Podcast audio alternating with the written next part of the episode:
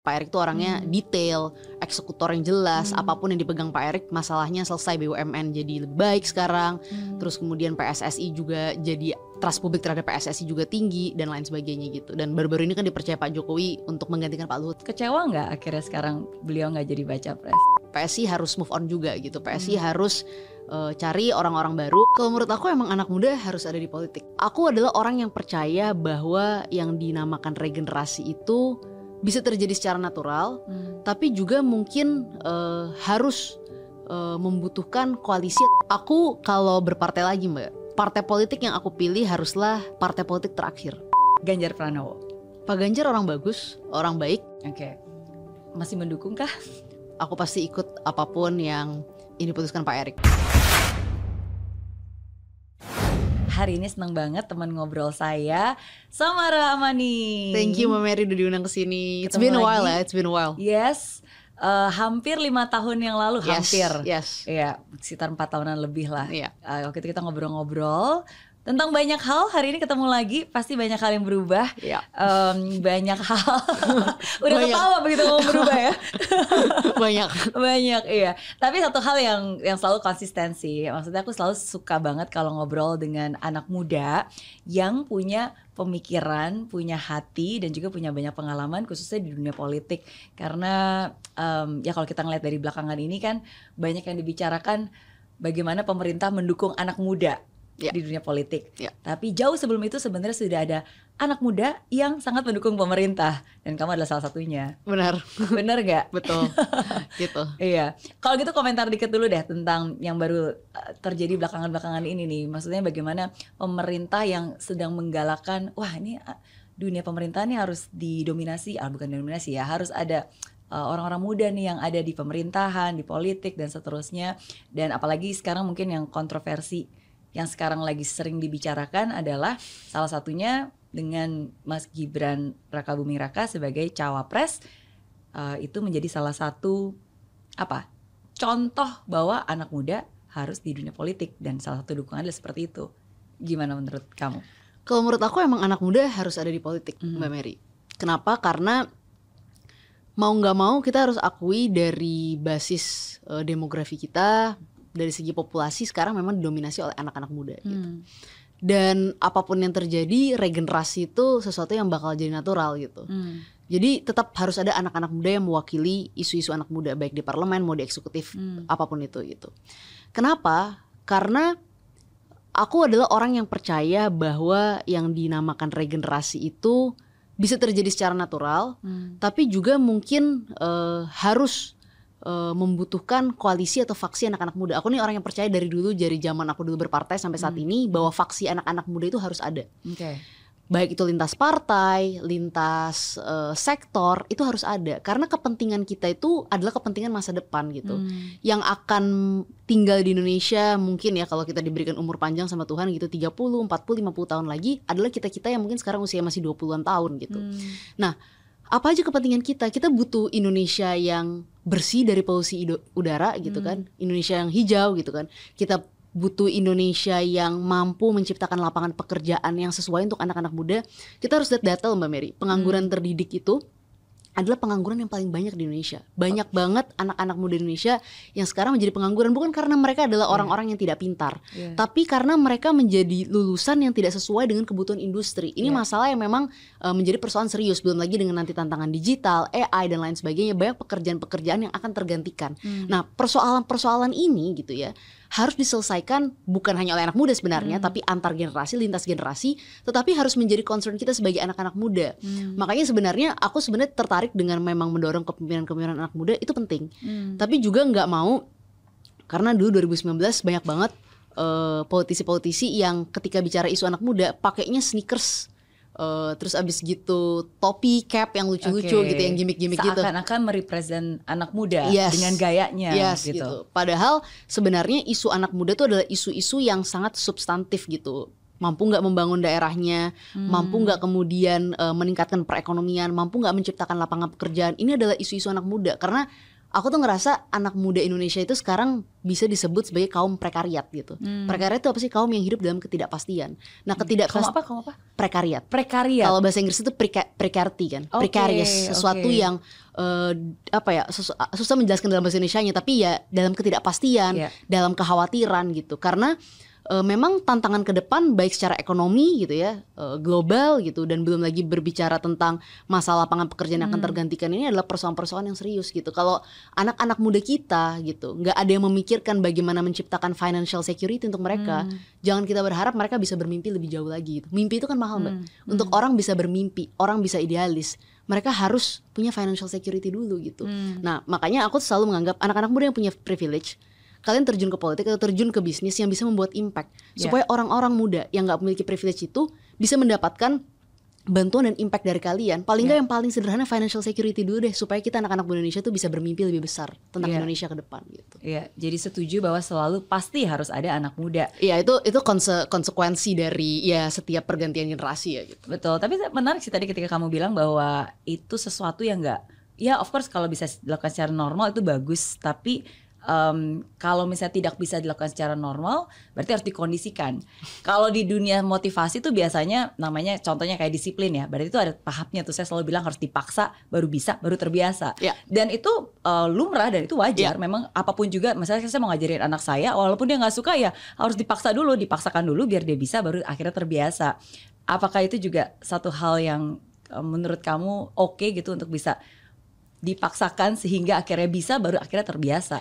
Dulu aku mungkin cerita dari pengalaman ya, Hmm. karena kan yang bisa aku ceritakan dari pengalaman aku di politik mungkin. Iya. Dulu ketika aku pertama kali masuk ke politik, banyak banget politisi atau tokoh-tokoh senior yang menganggap samaran ini bisa apa gitu. Hmm. Karena mereka nggak terbiasa melihat ketika itu kan usiaku 21 tahun. Iya. Anak usia 21 tahun masuk ke politik nyalek gitu di Jakarta bisa apa ini anak gitu kan. Jadi Iya. ya itu mereka nggak terbiasa melihat anak-anak muda apalagi yang masih sangat muda untuk eh, berkontestasi dalam arena politik yang dianggap eh, politik itu maskulin belum lagi Hmm. kita perempuan. Hmm. Perempuan tuh selalu dianggap juga eh ya secara asumsi gitu ya, secara alam bawah sadar bisa nggak sih politik ini dunia keras loh Iya. yakin nih bisa yakin bisa tarung yakin kuat mental Hmm. pertanyaan-pertanyaan itu meskipun mereka nggak ucapkan secara eksplisit Iya. gitu ya tapi kita bisa membaca gitu gitu kan kita bisa read between the lines lah gitu Betul. bahwa mereka dan terlihat dari cara mereka berpikir- ya, bersikap memperlakukan dengan kita, kan? dan lain sebagainya Hmm. gitu nah tapi lama kelamaan karena kita akhirnya fokus aja aku fokus aja Hmm. membuktikan kita bisa turun ke bawah bisa berinteraksi dengan masyarakat bisa membuktikan mendapatkan suara yang cukup signifikan ketika itu lama-lama sekarang ya masuk ya mungkin tahun ketujuh aku berpolitik nih kita mulai bisa berbicara secara lebih em, setara dengan para Hmm. elit-elit politik ini dengan politisi-politisi senior ini bahwa oh nggak ternyata dia bisa dia membuktikan gitu Iya. jadi artinya sesuatu yang mungkin tadi Mbak Mary katakan yang mungkin membuat banyak orang nggak terbiasa aneh yakin bisa atau enggak kalau kita konsisten ingin membuktikan ya akhirnya kita akan mendapatkan respect dari orang-orang tertentu. Meskipun pasti akan ada orang-orang yang selalu tetap meng-underestimate kita ya. Karena memang dasarnya udah nggak percaya aja sama kita. Jadi bukan ingin Iya. melihat rekam jejak kita ke depan tapi ya emang udah udah underestimate aja duluan gitu. Jadi udah terlalu banyak asumsi-asumsi yang aneh-aneh dalam pemikiran mereka gitu. Betul, tapi aku setuju banget sih kalau kamu bilang mungkin di awal banyak orang yang tadi ah emang Samara bisa apa? gitu kan Hmm. anak muda gitu. Karena pada saat itu ya mungkin kamu masih masih baru eh, orang juga belum bisa melihat ini cuma iseng-iseng doang atau cuma aji mumpung doang atau sometimes kan kadang-kadang anak muda tuh suka maunya banyak dan lagi coba-coba. Tapi ketika kamu bisa selalu konsisten sekarang udah tujuh tahun kamu masih tetap konsisten di sini berkarya em, dan banyak hal yang sudah kamu lakukan ya akhirnya people mereka mulai percaya dan menaruh respect itu bahwa yang kamu lakukan ini bukan cuma kayak ya aji mumpung atau ada kesempatan atau memang berdasarkan rasa suka aja tapi ya time will prove kan iya iya dan bener nggak kita tetap aja kan konsisten kan kita kenapa di politik itu karena kalau menurut aku berpolitik itu penting untuk memenangkan hati publik karena kan tetap kita butuh suara dari masyarakat gitu tapi yang paling penting adalah apa yang kita percaya ketika kita pertama kali masuk ke politik gitu Hmm. kalau dulu aku punya banyak kepercayaan bahwa utamanya ketika masuk ke politik perempuan Indonesia itu harus bisa merasa aman nyaman dan Hmm. bisa maju gitu Hmm. dan menurut aku tujuannya itu ya kita fokus ke situ. Orang akan anggap kita mungkin bodoh, orang akan anggap kita mungkin gak kompeten, Hmm. orang akan anggap kita ya bukan siapa-siapa, nggak punya mental, nggak punya backingan, nggak punya apa pun, dan akan selalu meremehkan kita. Tapi Iya. kan kalau kita hanya fokus untuk membuktikan orang-orang ini salah, kita akan lupa dengan Ya. tujuan awal kenapa kita berada di sini gitu. Jadi memang yang dari awal jadi pegangan aku adalah aku cuma mau fokus sama tujuan aku kenapa di politik gitu. Iya. Kalau nantinya kita ketemu teman-teman di dalam perjalanan ini dalam politik, alhamdulillah gitu. Tapi Iya. kalau memang nanti kita harus berseberangan, orang nggak setuju atau orang akan selalu menganggap kita remeh, itu konsekuensi juga dari berpolitik dan Iya. mungkin di ranah publik nggak cuma berpolitik Iya, gitu iya, ya. iya. Pastilah Mbak Mary pasti ngerasain yang sama juga. I'm, I'm pretty sure. Setuju. Sometimes kita harus tahu apa tujuannya dan sehingga kita nggak nggak easily distracted gitu Yes, kan dengan kiri yes. kanan dan akhirnya yang kamu bilang Mm-mm. eh, malah sibuk meluangkan waktu untuk menjawab orang-orang yang sebenarnya mereka juga nggak akan pernah berhenti Benar. bertanya. Gitu. Mereka juga kayaknya kalaupun kita coba buktiin belum tentu juga akhirnya jadi percaya sama kita gitu kan. Iya, Gitu. iya. Iya. Oke, that's that's interesting. Selalu kalau ngomong sama Samara dari zaman dulu ketika pertama kali aku kenal sama kamu sampai hari ini, pertama ngomongnya cepet banget, mikirnya cepet banget. Emang aku tuh aku tuh sebenarnya lagi mikir gimana caranya biar nggak ngomong cepet. Kata orang-orang ini udah lumayan. Oh ini udah lumayan. Katanya dulu ketika awal-awal tahun-tahun 2019 itu lebih jauh lebih cepat dibanding ini gitu. Oke, oke. Jadi ini kayaknya udah lumayan. Tapi itu luar biasa loh. Berarti prosesor kamu tuh bergerak dengan sangat cepat juga. Karena kan banyak orang kadang-kadang berbicara cepat tapi nggak dipikirkan. Tapi Soalnya- tapi aku melihat kamu tuh benar-benar memikirkan dan eh, bisa. Maksudnya setiap kata yang kamu ucapkan itu sesuatu hal yang memang punya pertimbangan gitu, bukan hanya asal ngomong. Ya mudah-mudahan gitu. Saya aku suka digodain sama kayak eh, om aku at- yang udah tua-tua gitu. Katanya kalau denger Samara ngomong harus deketin eh, kuping ke TV. Jangan sampai kelewatan satu kata gitu saking cepetnya ngomong. Oke, tapi ini udah lebih lambat. Katanya sih gitu. Udah lebih lambat. Tapi kalau kayaknya masih cepet juga. Tapi ini Kayaknya udah jauh lebih lambat. udah Katanya jauh gitu. lebih lambat.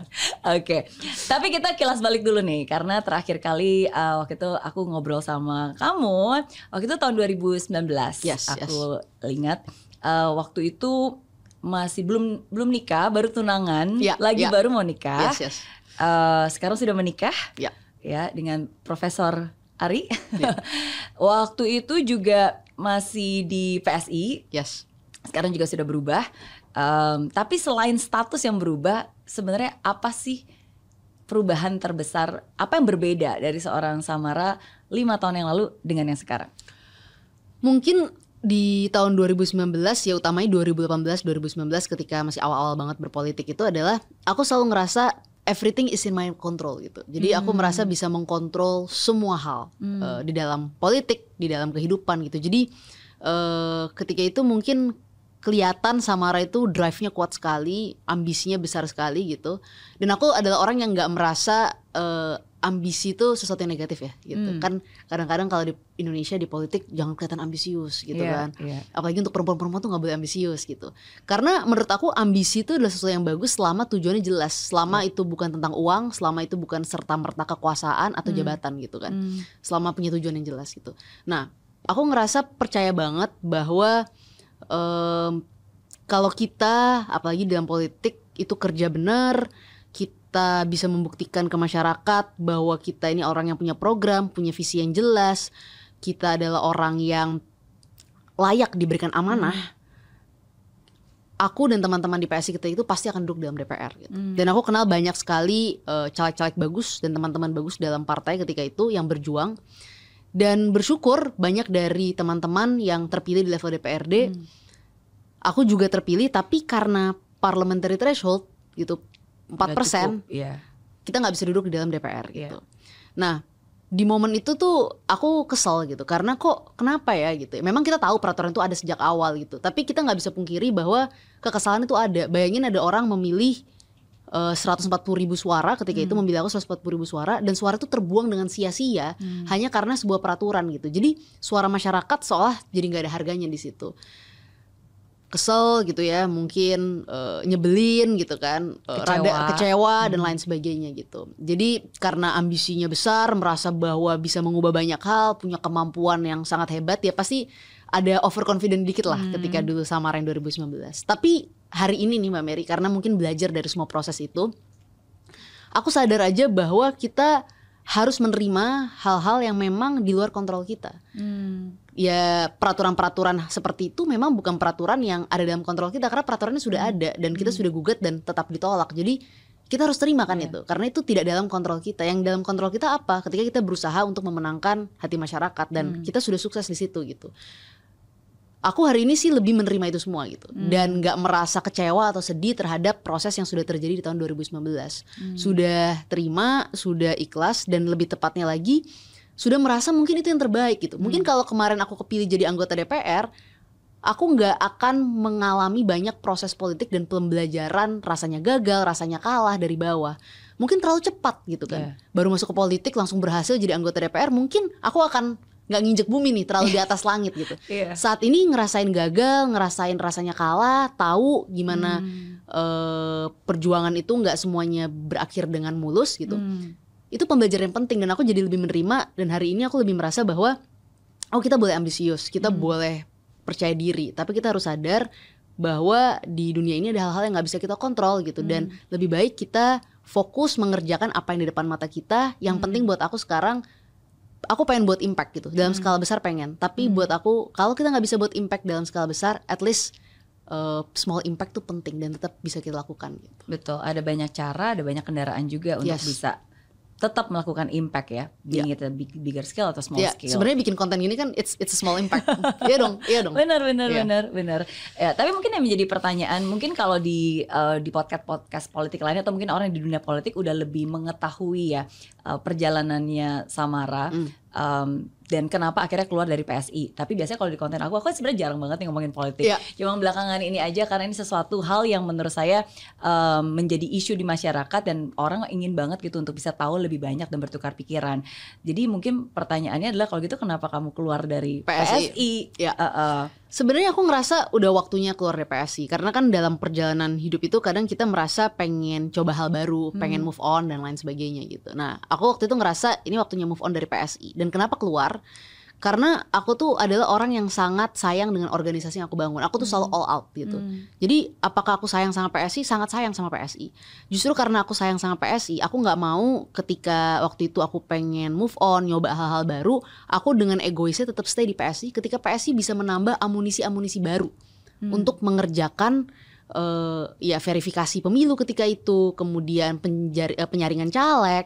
eh, dan berbagai macam program-program PSI lainnya. Dan jangan lupa ketika itu posisi aku strategis Mbak Mary, ketua DPP gitu. Bayangin kalau PSI punya ketua DPP yang eh, nggak all out gitu. Aku nggak mau gitu. Aku tuh nggak mau berada dalam institusi atau organisasi kalau aku tidak bisa all out lagi di situ. Gitu. Iya. Jadi menurut aku karena aku sayang dan aku peduli sama PSI dan nggak fair buat PSI untuk aku tetap stay di situ sementara akunya masih mau coba-coba hal baru, kayaknya nggak fair. Jadi aku putuskan ketika itu, oh nggak PSI harus move on juga gitu. PSI harus eh, cari orang-orang baru, orang-orang yang mungkin pengen all out lagi untuk PSI gitu. Nah, aku ketika itu memang memutuskan keluar dari PSI, pengen nyoba bisnis, bisnis konten. Aku juga pengen fokus ke aktivisme perempuan gitu ya. Eh, aku pengen fokus di situ gitu. Dan aku Oke. nggak mau karena ini aku ingin melakukan hal itu mengorbankan institusi yang sudah aku bangun yang juga sangat aku sayang. Oke, berarti bukan karena suami yang mendukung Pak Anies Baswedan dan sedangkan kan kita tahu sendiri PSI kan selalu berseberangan dengan Pak Anies. Ya, enggak, enggak, enggak sama sekali enggak ada kaitan gitu. Karena eh, ketika aku masuk ke dalam politik itu kan eh, suami aku juga tahu aku di PSI gitu dan aku di PSI itu sikapnya jelas. Bahkan sebelum masuk ke PSI sikap aku terkait berbagai macam ya tokoh politik, pandangan politik itu juga sudah sangat jelas gitu. Jadi aku keluar PSI memang betul-betul karena itu. Enggak enggak ada konflik dengan PSI. Kalau misalnya kita lihat eh, bagaimana aku keluar dari PSI, aku keluarnya sangat baik-baik gitu ya. Eh, memastikan bahwa eh, nggak ada apa ya, nggak ada jejak buruk, nggak ada relasi buruk yang Ya. tertinggal gitu. Dan aku sampai sekarang eh, mendoakan yang terbaik buat PSI gitu. Karena ya gimana juga PSI itu aku selalu bilang dari dulu sampai sekarang ini cinta pertama dalam politik gitu. Ah. Jadi kalau cinta pertama dalam politik kita selalu kenang gitu. Pasti kita akan Iya. selalu kenang meskipun kita harus move on gitu ya. Tapi Iya. kita akan selalu kenang dengan sangat baik gitu. Nggak boleh dijelek-jelekin, nggak boleh juga eh, merasakan ada penyesalan. Aku nggak ada penyesalan. Aku pikir chapter bersama PSI adalah salah satu chapter terbaik juga kok dalam hidup aku gitu. Oke. Dan Jangan-jangan CLBK nanti. Aduh. dan juga suami aku, suami aku tuh kan nggak tertarik politik kan. Sebenarnya itu lebih Oke. kepada produksi hoax tuh ketika itu Mbak Mary yang menganggap wah suaminya Samara mendukung tokoh politik tertentu misalnya Pak Anies Iya. dan lain sebagainya. Karena dia kan akademisi. Iya. Jadi netralitas dia dalam politik itu penting banget gitu. Hmm. Karena kalau sampai dia berpihak secara politik nanti eh, objek riset dia, wawancara dan lain sebagainya berkaitan dengan buku-buku riset dia Hmm. itu nanti dianggap bias kan. Jadi dia selalu maintain posisi netral dalam politik. Iya. gitu iya. sampai hari ini dan kayaknya selamanya saya udah nggak tertarik banget sama politik. Oke. Jadi itu itu hoax lah. Hoax, hoax, itu hoax, hoax. ya. Jadi Ya. sebenarnya memang karena ya udah udah Ya, it's time. It's time, it's Iya. time to move on dan dua-duanya juga ya udah jalan masing-masing. Ya, oke. Itu yang berbeda. Tapi aku ngelihat dari dulu sampai sekarang masih tetap ada yang sama. Apa tuh? Yang sama adalah mentornya selalu sama yaitu Pak Erick Thohir. Oh iya iya. Ya Iya, kan iya. mau dulu pas lagi masih jadi uh, udah di PSI, uh, s- setelah after PSI mau di bisnis katanya, Ya. tetap Ya. Yes. mentornya selalu Pak Erick Thohir. Yes. Mm-mm. Eh, memang aku sama Pak Erik tuh punya kisah yang sangat menarik ya. Hmm. Eh, dari mulai dulu di PSI kan aku juga di tim kampanye nasional gitu. Hmm. Nah salah satu juga yang ya selain PSI mengusulkan, salah satu juga yang mendorong aku bisa jadi wakil direktur eh, anak muda Hmm. di tim kampanye nasional Pak Jokowi dan Kiai Maruf itu kan Pak Erik gitu. Dan Hmm. Pak Erik juga dorong aku banyak untuk pergi ke TV.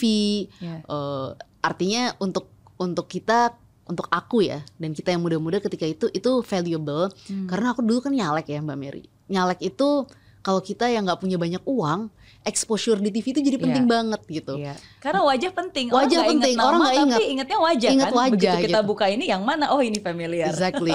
Nah itu yang beliau lakukan gitu. Iya. Jadi aku sangat sangat valuable. Belum lagi juga eh, aku udah cerita di banyak podcast gitu ya. Salah satu pengalaman yang paling dalam ketika itu buat aku ketika banyak politisi-politisi senior di dalam tim kampanye tersebut meremehkan aku karena anak muda bisa apa gitu. Hmm. Pak Erick itu sangat trust.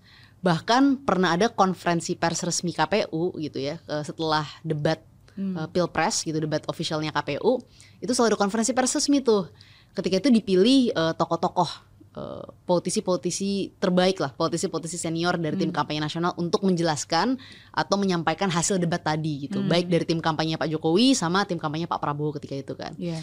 dari tim kampanye Pak Jokowi eh, dipilih Tuan Guru Bajang sama Pak Muldoko dari tim kampanye Pak Prabowo yang aku ingat ketika itu ada Pak Ferry Murshidan Baldan dan Pak Sudirman Said. Ini Hmm. tokoh-tokoh top, ini juga tokoh-tokoh top. Tapi perlu ada tiga orang. Satu lagi siapa? Bapak Erik memutuskan Samara aja gitu. Jadi waktu itu tuh aku agak grogi banget. Tiba-tiba aku bisa duduk di sampingnya Pak Muldoko, Hmm. mantan Panglima TNI gitu Iya. ya. Terus satunya lagi duduk di sebelahnya eh, Tuan Guru Bajang gitu, Pak Tuan Guru Bajang Gubernur NTB gitu. Dan aku ketika itu belum pernah masuk ke politik sama sekali, pertama kali masuk ke Hmm. politik, baru nyalek usia 21 tahun dan melawan tokoh-tokoh yang juga nggak kalah senior dalam politik. Jadi aku ngelihat itu sebuah bentuk trust yang luar biasa Hmm. karena eh, nggak gampang untuk seseorang yang baru juga di politik. Pak Erik ini kan baru di Iya. politik. Ketika itu beliau pertama kali itu masuk politik sebagai ketua TKN. Untuk orang yang pertama kali baru masuk ke politik, memberikan kepercayaan untuk orang muda dan baru juga di politik, itu kan pasti butuh sebuah eh, nyali Kelas juga, dan nyali, eh, kemampuan untuk melihat yang lebih jauh dibanding yang hanya terjadi dalam dinamika politik ketika itu. Jadi Hmm. itu itu luar biasa. Ya terlepas juga Pak Erik memang orang yang ya ya capable ya dari segi pemerintahan dan bisnis. Jadi aku banyak sharing, belajar juga dari beliau gitu karena terlepas dari apa pun mau aku lama di politik nggak lama juga sih tujuh tahun karena tau nggak orang ada yang bilang Samara kok kayaknya udah lama banget di politik gitu kayaknya nggak tua-tua gitu kan Iya. tapi nggak juga karena orang di politik tuh 30 tahun 20 Iya. tahun jadi kalau kita baru tujuh tahun 10 tahun di politik kita cenderung baru gitu dan aku tuh masih muda mbak gitu karena aku masih Hmm. muda pengalamanku juga fokusnya lebih baik di politik aku tuh butuh belajar dengan mentor-mentor yang bisa ya punya pengalaman hidup yang lebih banyak punya track record yang jelas mampu Hmm. eksekusi gitu jadi perjalanan ini kan panjang ya kita di berkarir itu di politik dan maupun di luar politik itu kan sebuah Hmm. maraton gitu jadi aku menganggap Pak Erik itu ya sebagai mentor yang tepat dalam Iya. hal ini gitu Ya saya yakin kamu pasti bertemu dengan banyak orang-orang hebat yang jabatannya tinggi-tinggi yang pasti udah lebih banyak dikenal. Tapi apa satu hal dari sosok Erick Thohir yang membuat kamu selalu eh, apa? Selalu amazed dan selalu ingin belajar terus dari beliau. Sebenarnya sederhana. Kalau misalnya apa yang membuat amazed dan lain sebagainya, saya kira mungkin publik secara luas sudah tahu lah Pak Erik itu orangnya Hmm. detail, eksekutor yang jelas. Hmm. Apa pun yang dipegang Pak Erik, masalahnya selesai BUMN jadi lebih baik sekarang. Hmm. Terus kemudian PSSI juga jadi trust publik terhadap PSSI juga tinggi dan lain sebagainya gitu. Dan baru-baru ini kan dipercaya Pak Jokowi untuk menggantikan Pak Luhut sementara yang Iya. lagi sakit sebagai Menko Marves gitu. Tapi bukan hanya sekedar kemampuan beliau gitu ya eh, atau pemikiran beliau gitu. Kalau beliau pinter, beliau visioner, beliau tangan dingin itu iya semua lah. Iya. Tapi untuk aku dan aku yakin teman-temanku yang muda yang berada di sekitaran Pak Erik, nomor satu yang aku lihat dari Pak Erik itu adalah Pak Erik itu selalu mau menyempatkan waktu untuk mengajari kita semua. Hmm. Ini kan gak gampang ya Mbak Mary gitu, karena beliau ini sibuk gitu. Beliau ini menteri dengan berbagai macam tugas yang berat, Iya. ketua umum PSSI juga Dan gitu, pengusaha juga pengusaha juga Hmm. gitu kan. Tugasnya banyak, kerjaannya banyak, waktu itu adalah sesuatu yang paling mahal. kan. Hmm. Tetapi di tengah-tengah kesibukan beliau, kalau kita anak-anak muda itu mau minta waktu satu jam pak, mau sharing misalnya project kita, mau sharing pemikiran kita, beliau Hmm. pasti akan sediakan waktu dan beliau akan kasih saran-saran ke kita apa aja yang harus dilakukan gitu. Kayak kita pernah pada satu masa eh, lagi duduk sama Pak Erik ke salah satu coffee shop gitu. Hmm. Eh, coffee shopnya itu bagus gitu dan ada konsepnya di situ adalah banyak eh, pekerja yang juga disabilitas. Gitu Hmm. pas lagi makan dan lain sebagainya Pak Erik tuh ngeliatin terus terus dia panggil ownernya dia bilang jadi gini jangan kebanyakan menu di makanan Hmm. satu dua aja lebih banyakin kopinya kopinya juga ganti lebih unik-unik gitu Iya. karena kalau kebanyakan menu eh, takutnya orang kelamaan nunggu makannya jadi pergi Iya. dan lain sebagainya tapi ya itu satu hal ya dia punya banyak insight-insight dan feedback ke orang itu tapi bayangin dia tuh rela ngeluangin waktu untuk ngobrol dan ngasih saran Iya. ke orang ini gimana caranya supaya bisnis ini sukses gitu dan itu dilakukan ke kita kita semua yang memang punya kedekatan sama beliau gitu jadi Hmm. ini gimana ya Eh, menurut aku ya mentor yang luar biasa sih nggak semua orang bisa ya aku inget ada kata-kata dari temenku yang bilang bahwa untuk orang seperti Pak Erik dan mungkin tokoh-tokoh politik lainnya gitu yang paling mahal dari mereka itu adalah waktunya kalau Ya, mereka mau kasih kita waktunya ya itu adalah sesuatu yang sifatnya priceless buat kita semua Iya, karena itu kan yang paling berharga, Yes. yang limited ya. Kalau Yes. uang kan sometimes unlimited ya. Iya. Eh, beberapa orang bahkan kesannya kayak punya pabrik uang bisa dicetak kapan pun juga. Tapi kan yang namanya waktu itu satu hal yang setiap orang, apa pun juga jabatannya, berapapun umurnya, tetap satu hari cuma punya 24 jam. Jadi Iya. kalau dia mengalokasikan satu jam dari 24 jam itu, that's definitely very precious. yes betul mbak Mm-mm. banget Iya, iya. Well, em, banyak orang juga yang sangat mendukung em, Pak Erick Thohir untuk menjadi baca pres dari Pak Prabowo. Em, kecewa nggak akhirnya sekarang beliau nggak jadi baca pres? Enggak sih mbak, Eh, aku sih ngerasa ikhlas-ikhlas aja dan aku kenapa bisa bilang kayak gini karena Pak Eriknya santai-santai aja gitu. Hmm. Dan dulu aku inget banget eh, Pak Erik selalu bilang ke kita semua yang memang ya mendukung beliau, mendorong beliau gitu. Bahwa yang paling penting buat Pak Erik itu kan kinerja ya. Hmm. Eh, hasil kerja kalau misalnya memang garis tangan dia ya udah gitu buat dia. Hmm. Tapi itu bukan tujuan utama dari semua proses yang eh, dijalani ini gitu. Yang paling Iya. penting buat Pak Erik ya BUMN harus bener karena itu tugas utama dikasihkan Pak Presiden buat saya gitu. PSSI harus bener karena ini kan adalah hasil pemilihan Kongres gitu. Masyarakat Indonesia, supporter bola Indonesia ya mau perbaikan yang lebih baik Hmm. untuk untuk PSSI, untuk sepak bola, transformasinya harus jalan semuanya. Jadi buat beliau yang paling penting adalah target-target dari eh, hasil kerja yang dihasilkan di BUMN dan di PSSI. Hmm. Jadi sisanya ya kita lihat garis tangan apa enggak gitu. Dan aku juga ketika dulu aku memutuskan ya mau bantu Pak Erik atau mau bersama Pak Erik gitu ya. Eh, maksudnya mau memilih beliau menjadi mentor aku itu Hmm. bukan semata-mata karena wah Pak Erik bakal jadi apa nih gitu. Karena aku Hmm. betul-betul percaya aja dengan sosoknya Pak Erik gitu. Karena beliau mentor yang baik buat kita semua. Kalau Pak Erik dikasih amanah yang lebih tinggi, alhamdulillah. Tapi pun kalau Pak Erik di posisinya hari ini gitu, ya itu nggak mengurangi sedikit pun value Pak Erik karena menurut aku value terbesar beliau itu bukan semata-mata karena jabatan, tapi karena pemikiran-pemikiran dan kemampuan beliau mengeksekusi apa yang beliau punya. Hmm, Oke, ini bisa jadi tim sesnya Pak Erick Thohir nih next time. Aduh, enggak mbak. kita mau nggak tim ses tim sesan kita, aku percaya aja sama dia karena memang dia mentor aku dan aku nggak pernah Iya, tutup-tutupi itu. Aku bicara jujur gitu. Iya, iya, setuju. Again, times will tell ya. Iya. Maksudnya ini kan bukan hanya sesaat aja, Yes, tapi yes, kan yes. memang waktu yang sudah membuktikan dan dan persahabatan dan hubungan itu sudah terjalin bahkan Iya, jauh jadi sebelumnya. dari zaman aku di PSI Dari juga. belum siapa-siapa, dua-duanya belum siapa-siapa dalam arti di dunia politik ya, karena kan masih sama-sama baru pada saat itu kan. Hmm. Mm-mm, iya. Tapi aku setuju sih kalau misalnya ada orang yang selalu bilang bahwa em, tidak ada satupun jabatan yang harus diperjuangkan mati-matian. Tidak ada satu jabatan yang harus ya di di apa ya dipertahankan mati-matian ya karena kan jabatan itu cuma Cuma sarana. jabatan cuma sarana Ya, itu aku jadi- percaya banget sih. Menurut aku yang paling penting itu adalah tujuan akhirnya jabatan tuh hanya sarana. Tapi aku juga nggak pungkiri bahwa jabatan-jabatan politik itu bisa membawa tujuan yang clear gitu. Aku selalu percaya dulu satu tanda tangan gubernur Jakarta misalnya itu akan membawa impact yang sangat besar untuk 10 juta rakyatnya gitu. Hmm. Tapi satu tanda tangan itu juga bisa ya menghancurkan 10 juta rakyat gitu. Jadi Hmm. jabatan itu bisa dipakai untuk sesuatu yang sangat baik atau sesuatu yang sangat buruk karena dia adalah sarana. Nah, pertanyaannya apakah kita semua yang berada dalam politik hati kita itu bersih dan jelas, punya tujuan yang jelas? Karena kalau tujuannya hanya jabatan, begitu kita duduk di sana, kita juga nggak tahu mau ngapain, Mbak. Iya. Gitu. Dan ketika kita nggak dapat itu, kita juga jadi bingung gitu. Iya. Yang penting tujuannya sih kalau buat aku kalau dapat ada jabatan ya ada sarananya. Kalau enggak bukan berarti sarananya kan berhenti di jabatan kan gitu. Ada banyak sarana lain lah. Ada banyak sarana lain. Aku percaya dengan itu karena ya Iya, itu iya. nggak semua dari kita nggak nggak seluruh rakyat Indonesia tuh Iya, harus iya. buat big impact. Small Betul. impact also matters kalau mau tahu. Betul, setuju. Sama aja kalau misalnya kan di dunia politik ya. Hmm. Kalau misalnya di dunia entrepreneurship juga nggak semua orang itu harus menjadi pengusaha. Yes. Karena kan ada DNA tertentu, maksudnya ada tipe-tipe tertentu gitu. Jadi bahkan sebenarnya kalau kamu jadi profesional dan memang DNA kamu menjadi seorang profesional, ya jadilah seorang profesional yang sangat baik.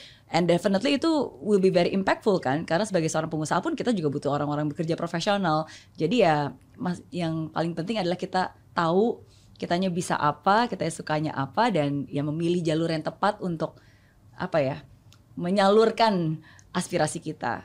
Iya, ya itu itu Hmm. itu paling penting sih tujuan at the end of the day. Tujuan at the Iya. end of the day. Iya bener kayak kayak misalnya nggak semua orang misalnya di dunia entrepreneurship harus punya satu T by the end of Iya, their life gitu betul, kan nggak harus gitu betul. kan karena mungkin tujuan utamanya kan nggak semata-mata satu T yang Betul. penting ya bisnis sustainable Betul, gitu betul. kan ya profitable gitu dan bisa ada impactnya gitu karena aku ngelihat sih yang aku seneng eh, di dunia entrepreneurship saat ini juga banyak banget tujuan-tujuan yang emang nggak semata-mata cuma profit gitu tapi Hmm. banyak tujuan-tujuan yang mulia juga gitu ya kayak yang Mbak Mary buat semua ini kan juga nggak semata-mata I'm pretty sure ini bukan Iya. cuma profit kan buat Mbak gitu Iya iya, definitely. iya kan pasti lah kalau nggak pasti nggak bakal seneng ngerjainnya tiap hari kalau Iya. cuma basisnya uang gitu Iya betul. Oke, em, aku jadi penasaran nih kalau misalnya dari, karena aku selalu percaya ya kita itu eh, adalah akumulasi apa yang kita dengar, kita tonton, dengan siapa kita bergaul, khususnya dari sejak masa kecil gitu kan.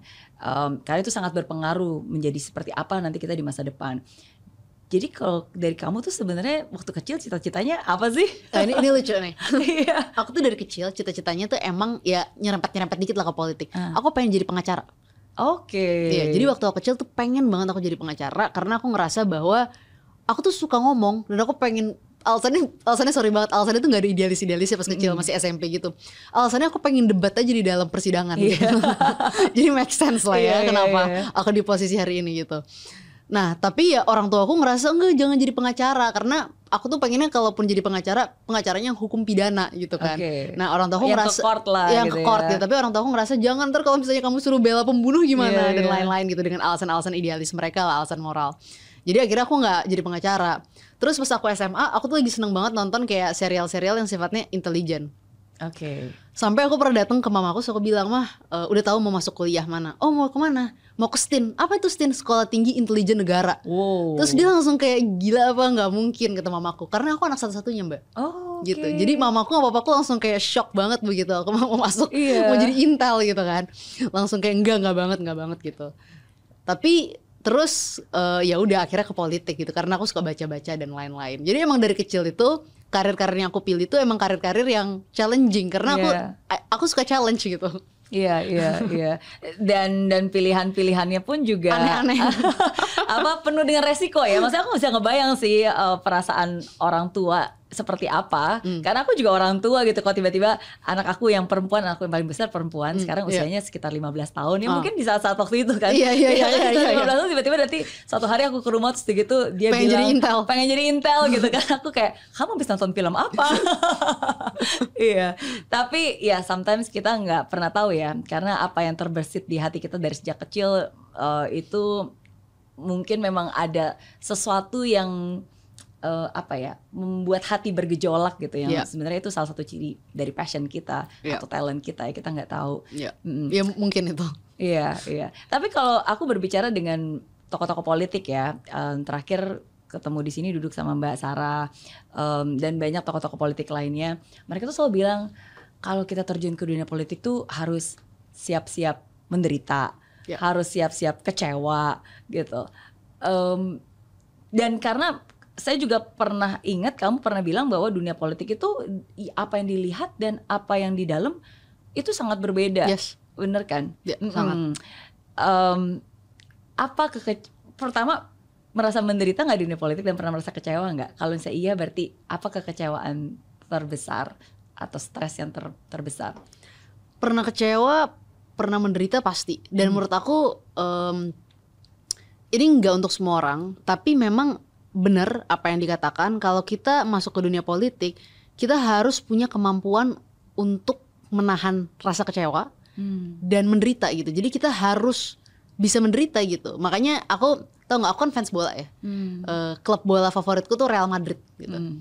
Real Madrid itu kalau main biasanya selama 85 menit mereka tuh kalah kalau main di uh, kayak liga apa yeah. Champions League Liga Eropa segala macam mereka kalah selama 85 menit gitu tapi selama 85 menit itu pemain-pemain Real Madrid itu punya kemampuan untuk menahan penderitaan itu itu kan harus suffer ya mbak yeah. untuk kalah berpikir gimana caranya cetak gol untuk seri dan menang itu kan harus suffer gitu hmm. itu kan penderitaan gitu mampu nggak menderita dan at least bertahan hmm.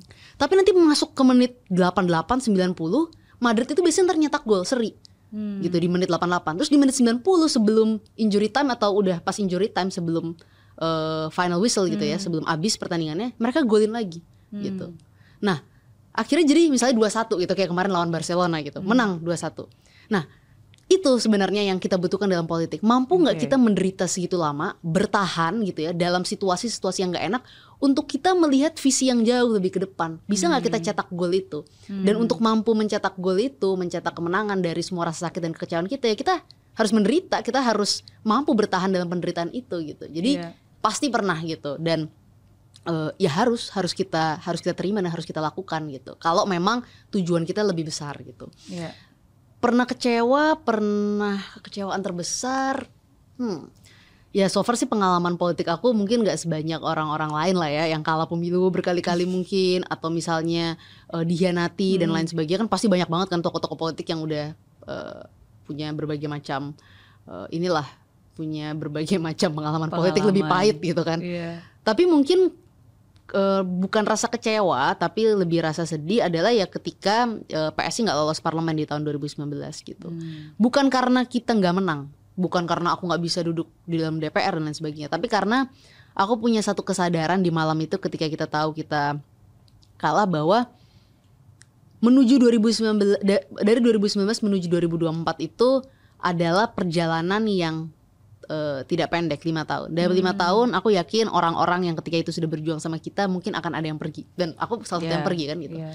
Akan ada yang uh, ya kita tidak akan bertemu sesering ini lagi, kita yeah. tidak akan berjuang bersama seintensif ini lagi karena kita butuh uh, pasti regenerasi, kita pasti butuh pergantian, kita juga pasti butuh restrukturisasi menuju 2024 24. gitu. Jadi aku cuma sedih bahwa wah nih aku tim ini udah kayak keluarga dan kita harus akan ada momen di mana kita mungkin nanti harus pisah gitu. Jadi aku hmm. lebih kepada itunya gitu. Ini momen yang nggak bisa terulang gitu. Jadi lebih lebih sedih ke ke, ke poin itu sih. Hmm. Bukan karena kecewa karena kalahnya atau apa. Kalau kalah segala macam sih ya itu bagian dari proses politik lah. Kita nggak boleh terlalu kecewa gitu. Mungkin yeah. mungkin itu sih Mbak. Nggak nggak ada nggak ada. Atau mungkin kalau ada lagi sih mungkin kalau lebih ke kecewa adalah um, paling banyak biasanya terkait respon publik, tapi bukan karena publik anti sama kita dan lain sebagainya. Jadi dulu hmm. banyak sekali isu-isu perempuan yang kita perjuangkan kan. Misalnya uh, terkait masalah korban kekerasan seksual. Hmm. Kalau aku adalah orang yang percaya melihat berbagai macam data, hmm. korban kekerasan seksual itu menjadi korban karena salah pelaku, bukan karena pakaian korban. Ya. Karena data menunjukkan bahkan perempuan yang bercadar pun dan perempuan yang paling banyak mengalami uh, pelecehan atau kekerasan seksual adalah mereka yang justru menggunakan pakaian lengan panjang, hmm. jeans dan lain sebagainya. Tapi mereka tetap menjadi korban. Hmm. Nah, ketika kita menyuarakan dan membela isu-isu ini, aku nggak akan pernah lupa banyak banget perempuan-perempuan pun yang menyerang kita, hmm. yang menganggap bahwa yang salah tetap korban. Di momen itu sih ada rasa kekecewaan dalam artian seperti ini buat aku.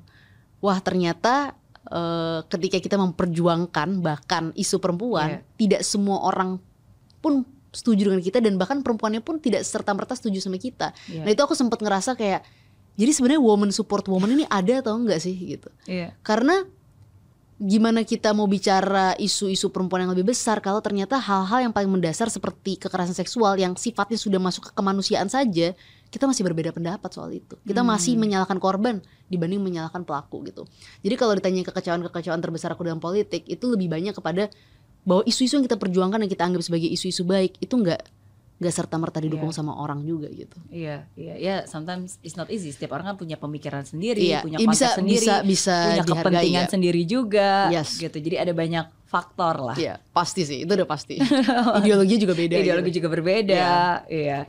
Ya tapi setuju dengar dari apa yang kamu sharingkan itu semakin mengukuhkan bahwa sebenarnya kalau di dunia politik itu yang paling penting dibutuhkan bukan hanya kecerdasan, Iya. bukan hanya em, pengalaman gitu kan, tapi kesabaran. Iya, ya the ability to suffer sih mbak. Kesabaran Iya. itu penting ya, Iya. the ability to suffer. Iya. Ya, tapi interesting when you mention the ability to suffer karena itu yang aku selalu apa gaungkan juga khususnya anak-anak muda ketika mereka mention tentang passion. Karena tuh banyak anak muda suka punya pemahaman yang salah tentang passion. Mereka selalu bilang, "Wah, eh, kenapa kamu berhenti dari pekerjaan? Kenapa kamu loncat-loncat? Ya nggak sesuai dengan passion saya gitu kan."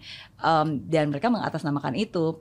Padahal menurut saya the true meaning of passion, passion tuh bukan bukan kayak gelora, sukacita, Oh, iya. rasa seneng kan. The nggak meaning- senang 24 jam juga betul, gitu. betul. In fact, the true meaning of passion itu berasal dari kata Latin yaitu passio Hmm. yang artinya suffering. Oh, menarik. Iya, so passion isi berarti bukan kayak perasaan suka dan senang atau gembira, joyful, tapi the real passion is apakah kamu bisa menderita untuk sesuatu yang kamu cinta atau Yes. sesuatu yang kamu percaya. That is Menarik the true banget. meaning of passion gitu. So if you're really passionate about something, then you must be willing to suffer, you must be willing to endure, you must be willing to be patient gitu. Iya. Ini menarik banget sih. Nice. Ya. Iya, jadi itu yang aku selalu bilang. Jadi jangan bilang eh, kamu pindah gonta-ganti cuma karena nggak sesuai dengan passion saya itu Karena cuma that's not passion ya. that's not the real passion. The real passion is are you willing to suffer Iya. for something that you believe in. That's the true meaning of passion gitu. Jadi eh, aku ngomong ini karena kamu tadi bilang tentang Suffering. menderita Iya. untuk beberapa untuk sesak untuk durasi yang cukup lama ya demi sesuatu yang memang diperjuangkan Iya. gitu. Iya. Mm-mm, Yes. iya. It's interesting. Walaupun kita dari dua dunia yang berbeda tapi, Tapi banyak ternyata banyak eh, kesamaan ya. Banyak benang merahnya, Iya. banyak benang merahnya. Oke, tapi berbicara tentang pendapat orang ya, eh, itu pasti banyak asumsi-asumsi yang berbeda. Apa asumsi tersalah yang orang selalu punya terhadap seorang Samara? Oh, orang tuh selalu nganggap aku tuh galak banget. Jadi orang tuh selalu nganggap pasti Samara tuh orangnya nggak asik banget di tongkrongan. Hmm. Eh, kalau ngobrol sama dia tuh pasti didebat terus dan lain-lain gitu. Padahal tuh aku tuh adalah orang yang paling slow dan santai gitu. Kan kalau misalnya Masa sih aku aku aja rasanya ngomong sama kamu jadi intens banget nih. Iya karena karena kita di kamera mbak. Aku tuh orangnya slow banget gitu. Jadi aku tuh adalah orang yang paling eh, apa ya gampang dikritik sebenarnya kalau jujur. Eh, kalau kenal sama teman-teman aku atau orang-orang yang kerja di tim aku, aku tuh orangnya santai banget, bener-bener egaliter total, nggak ada nggak ada struktur. Jadi kalau kerja sama aku tuh bener-bener nggak ada struktur. Kita semua sama, yang penting kita semua punya tanggung jawab masing-masing aja, clear desk-nya gitu. Nah orang tuh selalu nganggap karena Samara kalau misalnya di kamera di TV itu kan intens debat segala Iya. macam. Dan emang kalau misalnya udah kena kamera pasti aku akan intens karena aku ngomongnya tuh eh, seperti ini gitu. Emang aku Iya. dasar ngomongnya tuh kayak gini. Tapi sebenarnya eh, aslinya tuh enggak. Aku bener-bener slow banget. Dan aku tuh bener-bener seenggak jelas itu kalau misalnya nongkrong. Sumpah kalau kenal sama temen aku bener-bener seenggak jelas itu aku nggak bisa menjelaskan seenggak jelas apa. Tapi kalian semua wibawa aku pasti hilang lah kalau misalnya kalian lihat aku di tongkrongan gitu Oke, oke. Ya itu asumsi tersalah ya. asumsi paling salah Asumsi paling salah. asumsi paling salah juga kayak orang selalu bilang wah Samara pasti eh, kalau di rumah mulai dari orang tuanya, suaminya segala macam diajak debat. Enggak, sumpah aku di rumah tuh chill banget. Aku nggak nggak ngedebatin siapa pun. iya iya. Soalnya kan kayaknya kesan pertama tuh ya itu kan um, very uh, intense, fast pace Iya. gitu. Kalau fast pace-nya benar. fast pace-nya benar. Oke oke. Karena aku tuh orangnya fast pace dan ini sih, aku emang orangnya aku tuh workaholic, Mbak. Hmm. Jadi em, kalau teman-teman aku selalu bilang ini bukan workaholic lagi, kayaknya lu tuh obsessed with work katanya. Jadi di atas workaholic kalau ada. Iya. Tapi aku ngelakuin itu karena memang kenapa aku senang kerja dan kembali lagi ke masalah passion tadi ya. Karena setiap hari, setiap jam terkait apa yang aku kerjakan tuh aku percaya ini akan menghasilkan impact gitu. Apalagi Iya. dalam politik ya Mbak. Mbak Mary gitu. Politik itu banyak anak-anak muda Indonesia mungkin apalagi yang mungkin mereka nggak berada dalam pusaran politik merasa bahwa kita harus speak up terkait berbagai hal eh, statement terkait berbagai hal harus 100% idealis dan lain sebagainya gitu. Nah, aku sebagai orang yang punya nilai, aku punya idealisme, tapi sadar dengan realitas politik. Aku selalu percaya bahwa politik itu tentang titik tengah gitu. Hmm. Politik itu tentang bagaimana kita bisa menjembatani antara idealisme dan pragmatisme. Karena realitas politik memang pragmatis, tapi Iya. aku juga nggak mau terjebur dalam pragmatisme ini gitu. Iya. Tapi aku nggak bisa nih bawa idealisme dan nilai-nilaiku kalau aku nggak mau memahami realitas ini gitu. Jadi gimana caranya kita bisa cari titik tengah, mengkompromikan kedua hal ini supaya apa yang kita percaya itu bisa betul-betul terrealisasi gitu. Nah, Iya.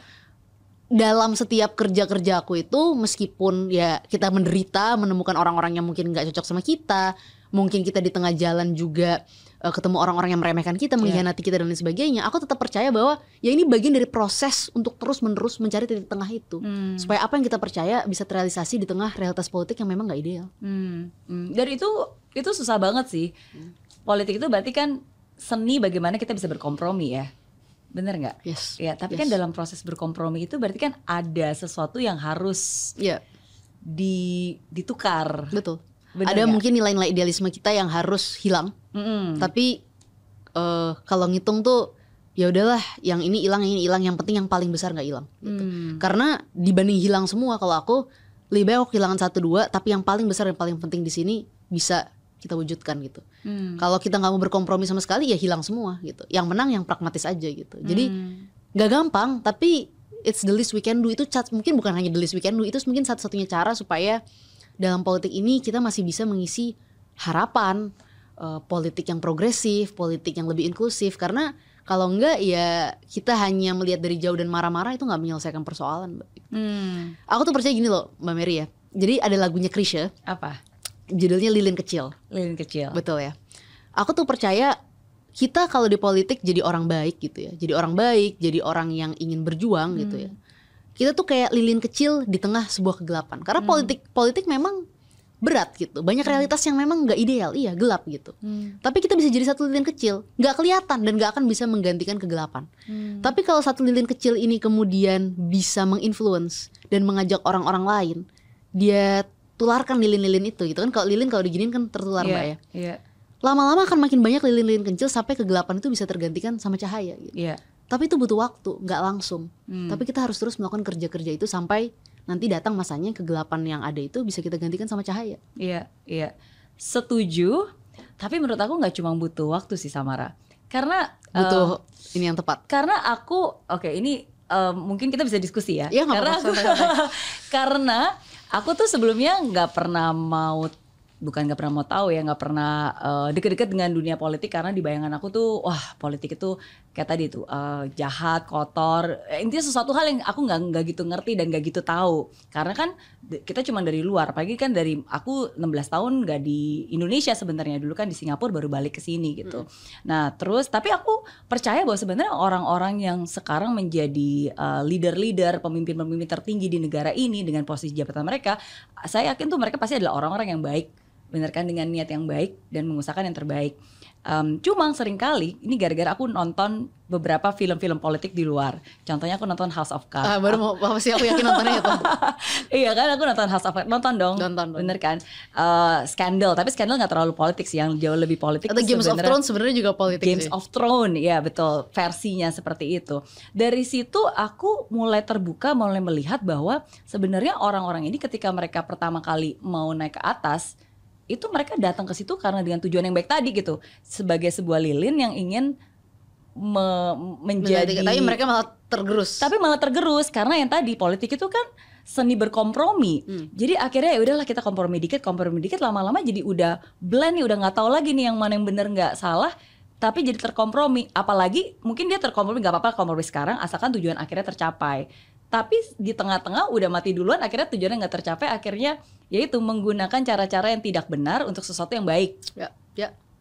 Tapi belum sampai ke akhir udah nggak bener dulu dan itu kan ya nggak benar gitu. Jadi jadi sometimes kadang-kadang em, kalau satu orang aja mungkin akan tergerus ya, mungkin butuh serombongan sehingga ya dia akan bisa saling menguatkan satu sama lain sehingga tidak mudah terkompromi sehingga lupa Iya. akan tujuan utamanya masuk ke tempat itu. Bener sih. Heeh. Itu menurut aku benar-benar valid dan memang kenyataannya banyak sekali orang-orang yang menjadi seperti itu di dalam politik gitu. Makanya eh, perjalanan untuk mencari titik tengah itu nggak mudah mbak gitu. Aku sih tetap percaya bahwa kita harus terus berupaya dan memang pada dasarnya nggak ada yang bisa jamin, nggak ada yang bisa jamin. Makanya dulu kalau aku selalu percaya yang kalau kita punya partai politik ya, cara terbaik untuk mengkontrol partai politik dan menjamin bahwa orang-orang itu adalah orang-orang yang idealis adalah melakukan check and balance yang jelas. Check and balance itu bagaimana?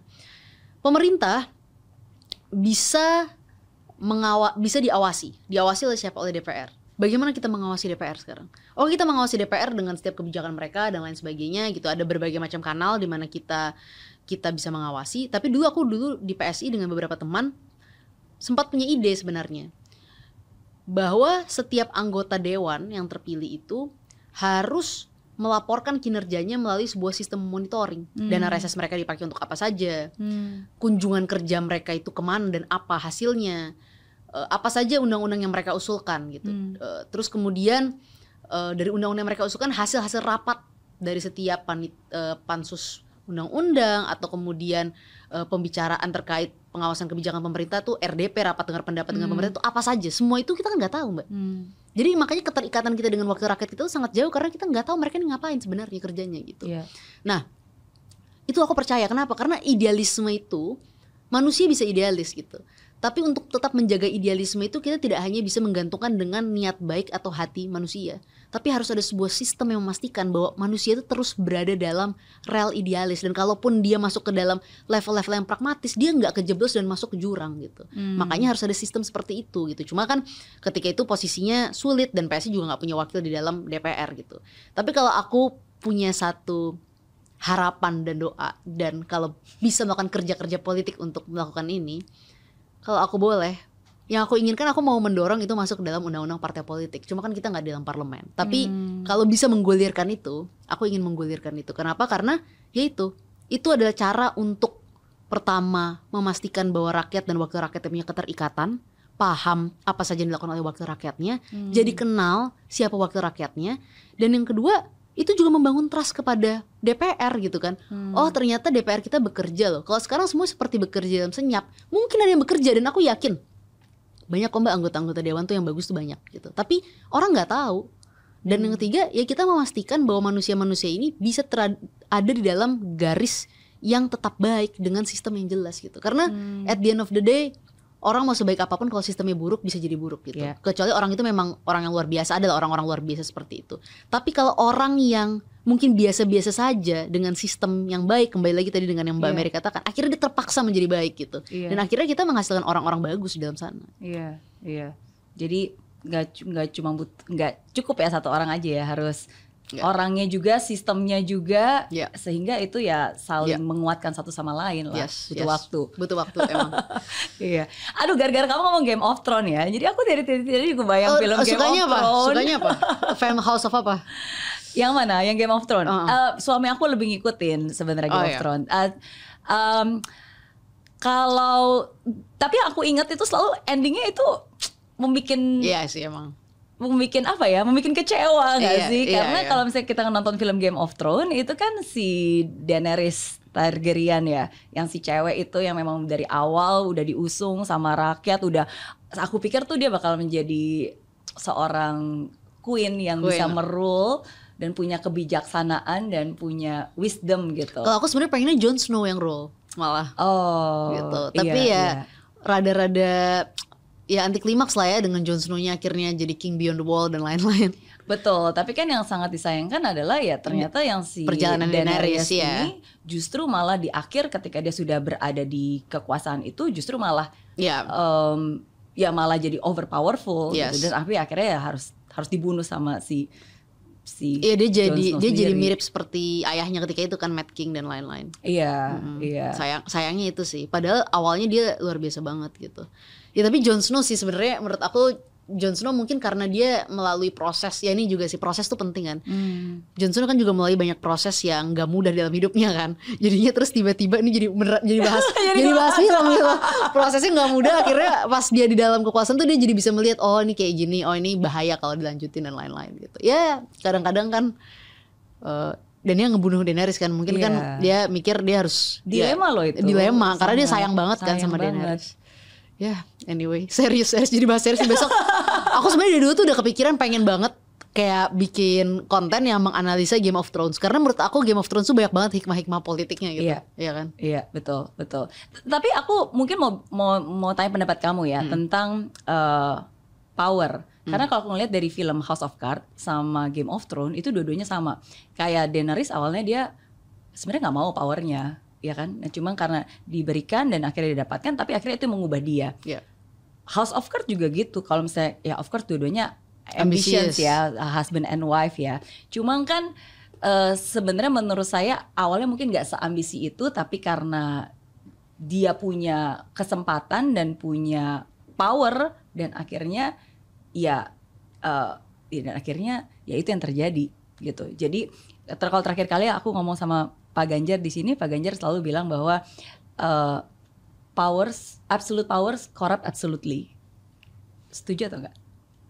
Ya aku pikir pasti sih gitu kan. Makanya ya kekuasaan itu eh, pasti harus ada ruang-ruang untuk terus mengoreksi. Makanya aku kenapa aku merasa sangat percaya dengan demokrasi, dengan sistem pemerintahan kita gitu karena memang ya pemerintah harus selalu eh, dievaluasi oleh DPR. Pemilu harus selalu ada kenapa? Karena ya setiap bentuk kekuasaan itu harus selalu diuji dan dievaluasi gitu. Kan bentuk kekuasaan itu diuji gimana sih Mbak gitu. Ya ketika seseorang mencalonkan diri dalam pemilu dalam proses demokrasi, masyarakat menguji dia kan. Ya. Masyarakat melihat apakah dia mampu atau tidak dan kemudian menentukan memilih atau tidak gitu. Dan ketika dia dievaluasi bagaimana mengevaluasinya ketika seseorang sudah duduk dalam kursi kekuasaan dan dia maju lagi dalam pemilihan selanjutnya, dia kan kemudian dievaluasi nih Ya. oleh masyarakat lagi lewat mekanisme yang sama yaitu pemilu gitu. Jadi itu kenapa terlepas dari segala kekurangannya ya demokrasi memberikan ruang untuk Ya. kekuasaan selalu dinilai eh, diuji dievaluasi gitu itu kenapa aku, nggak bilang demokrasi itu sempurna karena Ya. setiap sistem pemerintahan itu bermasalah pasti ada masalahnya lah Iya. tapi it's the best gitu untuk situasi hari ini sampai nanti kita menemukan formulasi lainnya dalam sebuah sistem pemerintahan gitu Betul, we don't aim for perfection lah. We Iyalah. always aim for progression kan. Yes, yang penting betul. selalu ada progresnya, ya kita sama-sama menyempurnakan lah. ya Gitu. Oke. Em, tiga pertanyaan terakhir, apa keputusan tersulit yang pernah kamu buat dalam hidup? aduh apa ya tiga keputusan tersulit Oh satu aja. Oh, satu. Satu, satu keputusan tersulit. Satu keputusan tersulit. Mungkin memutuskan pada tahun eh, 2022 akhir kemarin adalah apakah akan berpartai lagi atau tidak Oh, oke. gitu. Dan aku putuskan enggak eh, untuk saat ini ya. Akhirnya untuk sampai hari ini ketika itu. Kenapa? Karena yang pertama aku ini adalah orang yang percaya sekali dengan partai politik. Institusi partai aku percaya. Tapi kan aku juga seperti ketika aku keluar PSI aku putuskan eh, mau move on lagi mau membangun komunitas perempuan yang kuat gitu ya. Terus kemudian aku juga ingin ya ada bisnis konten dan lain sebagainya gitu. Nah, aku kalau berpartai lagi Mbak, partai politik yang aku pilih haruslah partai politik terakhir. Oke. Kenapa? Karena sepertinya kalau aku gonta-ganti partai itu nggak bagus. Ya. Dan yang kedua, part, kenapa aku sebut itu partai politik terakhir? Karena itu pasti partai politik yang aku sangat percaya, Hmm. partai politik yang aku akan berjuang mati-matian, dan partai politik di mana sama dulu ketika aku di PSI, yang aku akan rela memberikan waktuku 24 jam. Karena aku percaya bahwa dengan institusi ini kita akan membangun Indonesia yang lebih baik nih, Indonesia yang lebih progresif gitu ya, diisi anak-anak muda yang bagus, Indonesia yang diisi oleh eh ya banyak perwakilan dari berbagai macam kalangan gitu ya nggak hanya berbasis pada Jawa pada Sumatera tapi juga di Indonesia Timur gitu kan Eh ya teman-teman yang sering kali dianggap sebagai eh, minoritas gitu misalnya Tionghoa, India, Arab dan lain sebagainya Iya. gitu. Aku sebenarnya nggak suka pakai kata minoritas karena semua warga negara gitu ya. Iya. Tapi aku pengen partai politik seperti itu, Indonesia yang lebih inklusif, Indonesia yang lebih progresif, Indonesia yang diisi anak-anak muda, Indonesia yang diisi oleh perempuan-perempuan yang berani bersuara gitu. Nah itu eh, alasan akhirnya aku memutuskan oh enggak dulu gitu, karena eh, kan untuk memilih sesuatu yang aku anggap sebagai terakhir itu kan juga butuh waktu Oh, gitu, iya. nggak gampang gitu dan nggak ada yang diburu-buru kok politik itu adalah maraton. Toh Iya. dalam situasiku hari ini aku juga bisa banyak berbuat untuk politik Indonesia. Jadi aku santai-santai aja gitu. Itu Iya. nggak gampang karena aku adalah seorang politisi jadi kadang pengen ah ah, kayaknya perlu berpolitik lagi. Tapi aku aku juga menganggap sepenting-pentingnya partai politik dan aku sangat menganggap penting peran partai dalam demokrasi Indonesia bukan berarti peran politik dan kemampuan kita berpolitik itu hanya terbatas di dalam partai. Aku percaya bahwa setiap uh, warga negara dan setiap orang bisa berpolitik dalam kerangkanya masing-masing. Dan dengan apa yang aku lakukan gitu ya dengan ya aku sih percaya dengan menyuarakan isu-isu perempuan itu adalah sebuah bentuk berpolitik. Dengan mendorong teman-teman muda masuk dalam DPRD itu adalah sebuah bentuk berpolitik ya bikin konten kayak gini sama Mbak Ma- Mary mungkin adalah sebuah bentuk berpolitik dan juga konten-konten aku yang fokus ke politik ya sebuah bentuk berpolitik gitu jadi kita nggak pernah berhenti berpolitik hanya caranya aja mungkin akan selalu berbeda-beda gitu Hmm, dan gak harus pakai baju warna apa atau bendera mana terlebih dahulu lah sebelum Iya, menentukan Iya, ya. iya. Walaupun udah banyak yang jatuh cinta sama seorang Samara, tapi lagi nunggu nih kapan Samara jatuh cinta sama partai saya. Ka- kalau nggak? aku aku selalu percaya em, semua ada waktunya lah semua ada waktunya ada waktunya. Iya, sama seperti menikah, Iya. menikah itu bukan tentang kecepatan tapi tentang ketepatan. yes bagus bagus cocok Iya. Ini bisa dipakai untuk jawaban nih. Kalau Iya, nanya partai bagus. politik bukan tentang kecepatan, Tapi tentang ketepatan Iya bagus Aku udah dapat jawaban Ntar next aku bakal jawab Bisa. itu ya, ya mirip lah bisa dipakai relevan di mana pun juga ya. Oke. Ah ya, pertanyaan ketujuh. Nah pertanyaan ini menarik karena aku pengen minta komentar kamu. Uh, aku akan menyebutkan lima tokoh politik. Oke Teman-teman semua pasti kamu juga tahu. Tapi aku pengen tahu pengen tahu komentar dari seorang Samara. Oke siap Oke. Yang pertama Pak Ganjar Pranowo.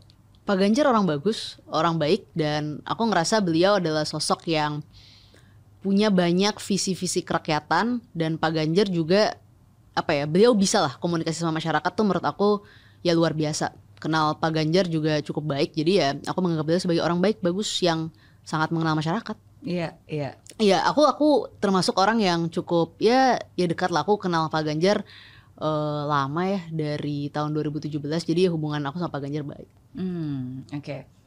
Masih mendukung kah?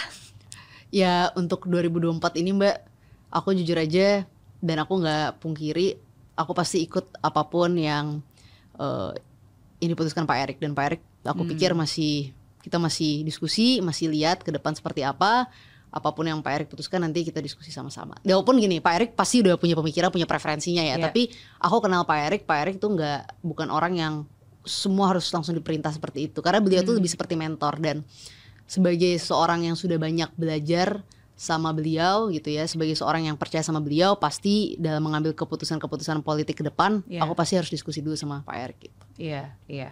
Yang kedua Pak Anies Baswedan. Pak Anies mantan rektor, akademisi. Universitasnya kan di situ iya, juga. mantan rektorku, eh, akademisi yang aku kira eh, bagus gitu ya. Jadi ya, ya aku respect sama Pak Anies, Hmm. respect. Oke. Oke. Eh, salah satu orang cerdas dan eh, aset bangsa lah. Iya. Iya. Yang ketiga Pak Prabowo.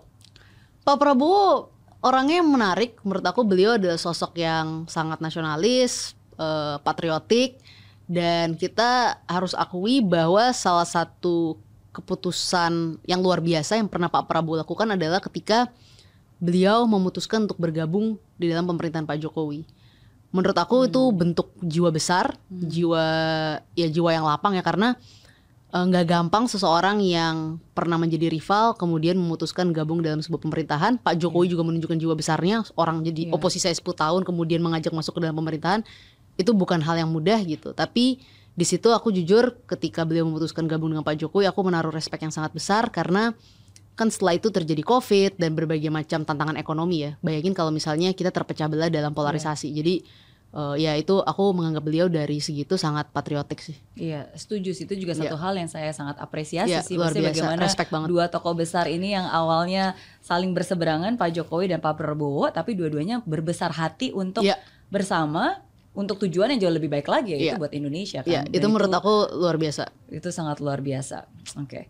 Eh, Oke, kalau tiga udah senior senior berarti karena kamu anak muda, duanya berarti Iya, yang, yang lebih muda-muda muda. ya.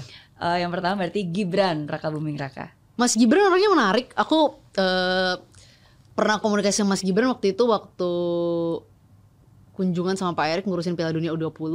Orangnya santai, eh, suka bercanda, banyak diskusi dan memang harus diakui Solo berubah di tangan Mas Gibran gitu. Jadi banyak event-event yang menarik dan juga em, event-event itu kan nggak bisa dianggap remeh Mbak ya karena itu betul-betul menggerakkan ekonomi masyarakat Solo gitu. Jadi aku sih menganggap Mas Gibran sebagai pemimpin daerah ya punya banyak keseriusan membangun Solo gitu. Dan memang kalau kita pergi ke Solo, masyarakat di sana puas dengan kinerja Mas Gibran. Jadi kalau melihat beliau sebagai pemimpin daerah, sebagai anak muda, ya Mas Gibran sukses gitu kalau aku mau jujur. Iya, iya. Ada eh, impact-nya ya yang Iya, sudah impact-nya dilakukan kerasa, impact-nya walaupun kerasa. mungkin pada satu hanya baru hanya dua tahun tapi sudah ada impact-nya. Iya. Iya, oke. Yang terakhir berarti Mas Kaisang. Oh, kalau Mas Kaisang orangnya asik banget sih, gitu, Eh, lucu.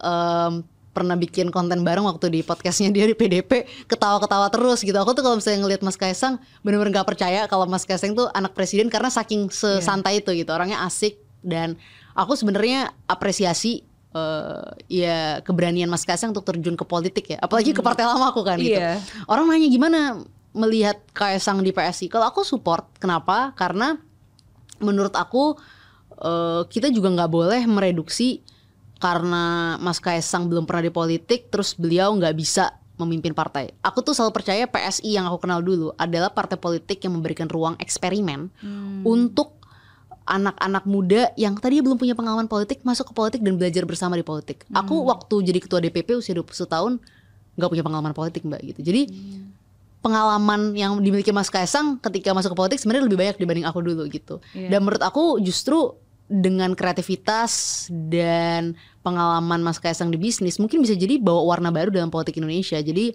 menarik sih eh, berani untuk terjun ke politik apalagi kan pasti nggak gampang ya. Iya. Karena ada ada nama besar ayahnya dan lain sebagainya. Itu nggak semata-mata selalu bisa dianggap wah enak anak presiden kan nggak gitu juga Iya, mbak iya. karena kadang justru seseorang yang memiliki privilege harus membuktikan 2 sampai tiga kali lebih sulit dibanding kita kita yang nggak ada privilege sih sebenarnya dan justru kalau aku justru berharap privilege privilege yang dimiliki sosok seperti Mas Kaesang, Mas Ahaye juga gitu itu bisa dipakai untuk mendorong anak-anak muda lainnya sih Iya, iya, setuju karena mungkin yang di mata kita awam melihat itu sebagai privilege, tapi bagi yang menjalankan sebenarnya sometimes mungkin beberapa orang lebih prefer nggak dihubungkan dengan hal itu karena Iya. justru itu akan lebih memberatkan kan iya, harus iya. dua tiga karena harus membuktikan kan. Oh enggak, saya tuh bukan karena itu, karena saya gitu. Itu kan nggak nggak gampang juga untuk mereka. Tapi ya it again, ya aku berharap ya sosok-sosok seperti mereka akan dorong eh, anak-anak muda yang mungkin nggak punya kesempatan yang besar juga. Dan itu kayaknya nggak berlaku hanya untuk Mas Kaisang, Mas Ahaye sih, tapi ya kita kita juga yang punya kesempatan besar berada dalam politik Indonesia hari ini. Iya, iya. Amin, amin, Amin, amin, amin. Setuju, setuju. Karena aku juga punya punya pernah punya kesempatan untuk ngobrol eh, langsung juga sama Mas Kaisang, sama Mas Gibran, sama Mas Ahaye juga. Dan mereka ini adalah orang-orang yang nggak kerasa seperti kali ngobrol sama anak presiden sih. Apalagi Santai ketika kan? Mas Kaisang dan Mas Gibran, ya santai aja. iya, emang slow-slow banget sih. Mungkin emang anak muda sekarang seperti itu ya, Iya. yang lebih diinginin oleh Gen Z itu yang Yang santai, ya santai kan. aja gitu. Tapi pemikirannya jalan, hasilnya ada gitu mungkin ya. Iya. I don't know. Aku Gen X. Gen X. Ini Oh, yang Gen Z. Aku aku sebenarnya persimpangan antara Gen Z sama milenial sih sebenarnya. Oke, oke. Berarti pertanyaan terakhir kalau gitu Oh, Mbak ada. Samara. Oke. Eh, dari semua hal yang udah pernah kamu lalui, em, aku tahu kamu orangnya haus untuk belajar. Terakhir kali aku ngomong sama kamu di podcast kita di mobil, aku bilang, wah kamu, kamu tuh orangnya haus untuk belajar. Jadi dari semua hal nih, apa pembelajaran terpenting yang hidup udah pernah berikan ke kamu sampai hari ini? Hmm, bahwa kita harus terus belajar dan mencoba sih. Karena dalam proses ini semua kita itu akan terus gagal gitu. Aku tuh gini, keberhasilan tuh aku sangat syukuri gitu. Tapi kita sebagai manusia itu lebih sering melihat kegagalan kita dibanding keberhasilan kita kan. Gitu. Itu selalu gitu. Misalnya ada ada seribu satu pujian gitu orang muji kita hebat dan lain sebagainya. Ntar ada satu orang yang menghina kita aja kita pasti fokus banget kenapa ya, Ya, orang ini ya. menghina kita. Secara psikologis ya banyak dari kita yang seperti itu gitu kan. Ya. Tapi aku adalah orang yang pembelajaran terbesar yang aku terima adalah aku menerima hal tersebut, sadar bahwa kita tuh akan terus menghadapi cacian, makian dan akan terus-menerus mengalami kegagalan gitu. Hmm. Dan dari semua cacian, makian dan kegagalan-kegagalan yang akan datang, yang mungkin gak hanya hari ini tapi yang akan datang ke depan gitu. Ya selalu ada nilai positif yang harus diambil adalah kita terus belajar dari setiap kegagalan-kegagalan itu gitu. Jadi kalau ada pembelajaran terbesar Mbak adalah aku belajar bahwa kegagalan itu adalah sesuatu yang inevitable. Hmm. Tapi kita harus terus belajar karena at the end of the day mau setua apa pun kita nantinya akan Iya. ada hal-hal baru, kejutan-kejutan baru, kegagalan baru atau mungkin keberhasilan baru yang kita nggak akan pernah expect dan di situ kita akan terus belajar gitu. Iya, setuju. Sangat setuju. Iya. Thank you udah menjawab pertanyaan-pertanyaan Thank saya. you, thank you Mbak Mary, seru banget. Ini lima tahun lagi ntar diundangnya. jangan dong, jangan. Tapi seperti yang udah aku janji, ya kan janji harus dipenuhi. Iya. Jadi you can ask me one question. Oh, Ini iya. menggunakan haknya nih untuk Iya, bertanya. hak bertanya ya, kayak anggota dewan kan ada hak bertanya. Iya. Aku sebenarnya mau tanya satu pertanyaan sih. Aku yakin pasti kan em, Mbak Mary tuh banyak mengalami eh, ya pasti kegagalan, kompleksitas dalam hidup, apa pun tantangan-tantangan yang berat dalam hidup gitu. Tapi kan Mbak Mary ini terkenal dengan motivasi-motivasinya gitu. Motivasi-motivasi yang lahir dari Mbak Mary itu apakah itu sesuatu yang hadir karena menjalani proses kehidupan? Atau sebenarnya gimana sih Mbak? Apa itu dipelajari, apa itu dipikirkan? Kayak how do you come up with all those? Kayak magic statements gitu loh. Gimana? Magic sih. Iya, soalnya kan aku selalu magicom gitu. Iya, kayak kata-kata motivasi itu kan orang kan merasa termotivasi dan lain Iya, sebagainya gitu. iya. Apa yang membuat Mary itu di posisi bisa menyampaikan semua itu gitu? Apa sih prosesnya itu seperti apa gitu? Karena pasti itu bukan proses yang mudah kan. Hmm. Of itu bukan course, bukan hanya course. proses kreatif aku, aku yakin. gitu. Setuju, itu bukan proses kreatif, itu proses dari kegagalan, kehancuran, rasa kecewa, ditipu, dihina gitu kan. Uh, ada banyak proses. Tapi justru kalau aku lihat lagi, mungkin masa-masa yang paling sulit yang kayak tadi perasaan-perasaan yang yang aku olah itulah yang akhirnya membuat aku jadi mengerti, membuat aku jadi belajar dan akhirnya itu menjadi sebuah reflection yang aku tuangkan yang sekarang mungkin sometimes aku menulis itu dalam bentuk tulisan, sometimes dari tulisan aku ubah menjadi sebuah bahasa spoken word yang akhirnya jadi video dan seterusnya. Tapi most of the things yang the message yang aku sampaikan itu ya benar-benar dari perjalanan reflection aku sendiri.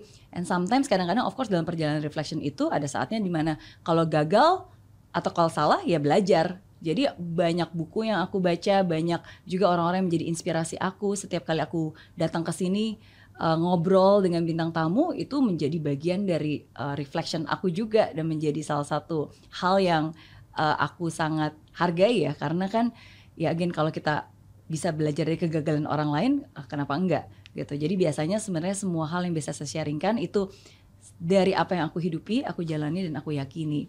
Dan aku tuh belakangan ini suka banget journaling. Oh iya itu journaling, itu penting ya. Uh, uh, jadi sometimes kadang-kadang um, untuk bisa mendokumentasikan perasaan dan uh, pembelajaran itu uh, itu aku hal yang aku selalu lakukan sih. Ya bahkan nih sebenarnya fun fact uh, video-video yang video terbanyak yang um, ada di YouTube aku. Itu judulnya ketika aku sedih dan menderita. Oh. itu spoken word. Hmm, dan itu sebenarnya hasil kontemplasi benar-benar aku pernah mengalami saat itu dan akhirnya ya udah aku tuangkan. Karena salah satu bentuk ekspresi aku ya kan semua hal itu harus dituangkan ya. Cuma ya tuangkannya dalam wadah yang benar. Jadi itu setelah udah aku sudah mengerti aku memahami ya baru akhirnya aku tuangkan. Dan akhirnya itu menjadi video salah satu video yang paling viral. Em, salah satu video yang juga pernah viral yaitu yang uh, analogi burung gagak dan burung elang. Bahwa kalau misalnya kita udah terbang ya jangan jangan mau terdistract dengan orang-orang yang selalu berusaha untuk matokin kita dan mendistrak kita. Ya em, ya itu juga hasil kontemplasi dari pengalaman hidup yang di mana kadang-kadang kalau kita berjuang pasti akan ada suara-suara orang yang berkata lain gitu. Jadi most of it itu proses panjang. proses panjang ya Iya makanya aku selalu percaya pain plus reflection always equals to progression. Oh. jadi ya udah kalau kita gagal kita sedih kita kecewa ya nggak apa-apa. Tapi at least Kita belajar progress, dari itu kita sadari ya at least semoga itu bisa jadi pembelajaran dan pengingatan buat kita sendiri juga. Jadi itu sih I'm not perfect I'm also still work in progress ya tapi just keep learning and keep doing aja kan Ya, Mm-mm. ya emang itu nggak ini nggak mudah sih. Dan aku juga lagi mau coba journaling, tapi journaling tuh nggak gampang karena kadang-kadang nanti nggak ada waktu ngejurnalnya. Akhirnya lupa lagi Oh, ngejurnalnya. iya, iya, tapi iya, itu iya. emang benar-benar proses yang kontemplatif sih katanya. Betul, betul. Karena hanya dengan itu aku jadi bisa mengingatkan.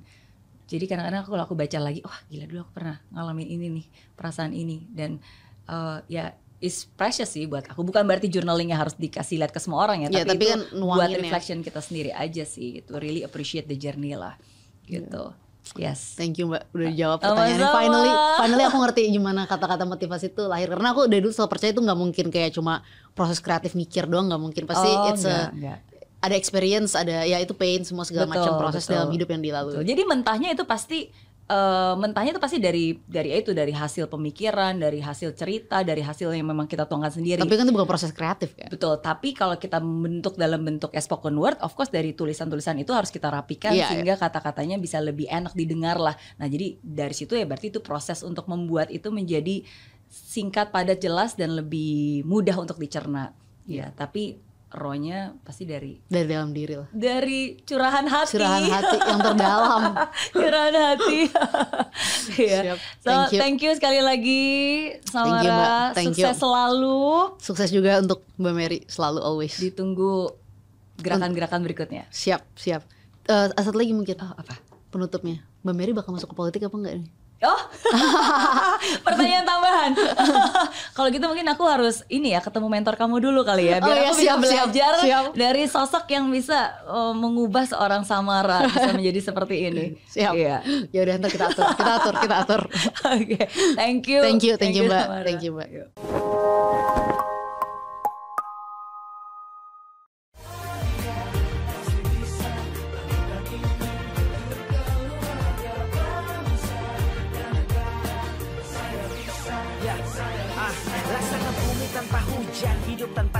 Tujuan, kering dan mati tanpa hijaunya tumbuhan. Ah, demikian kalau mimpi tak kunjung terjadi.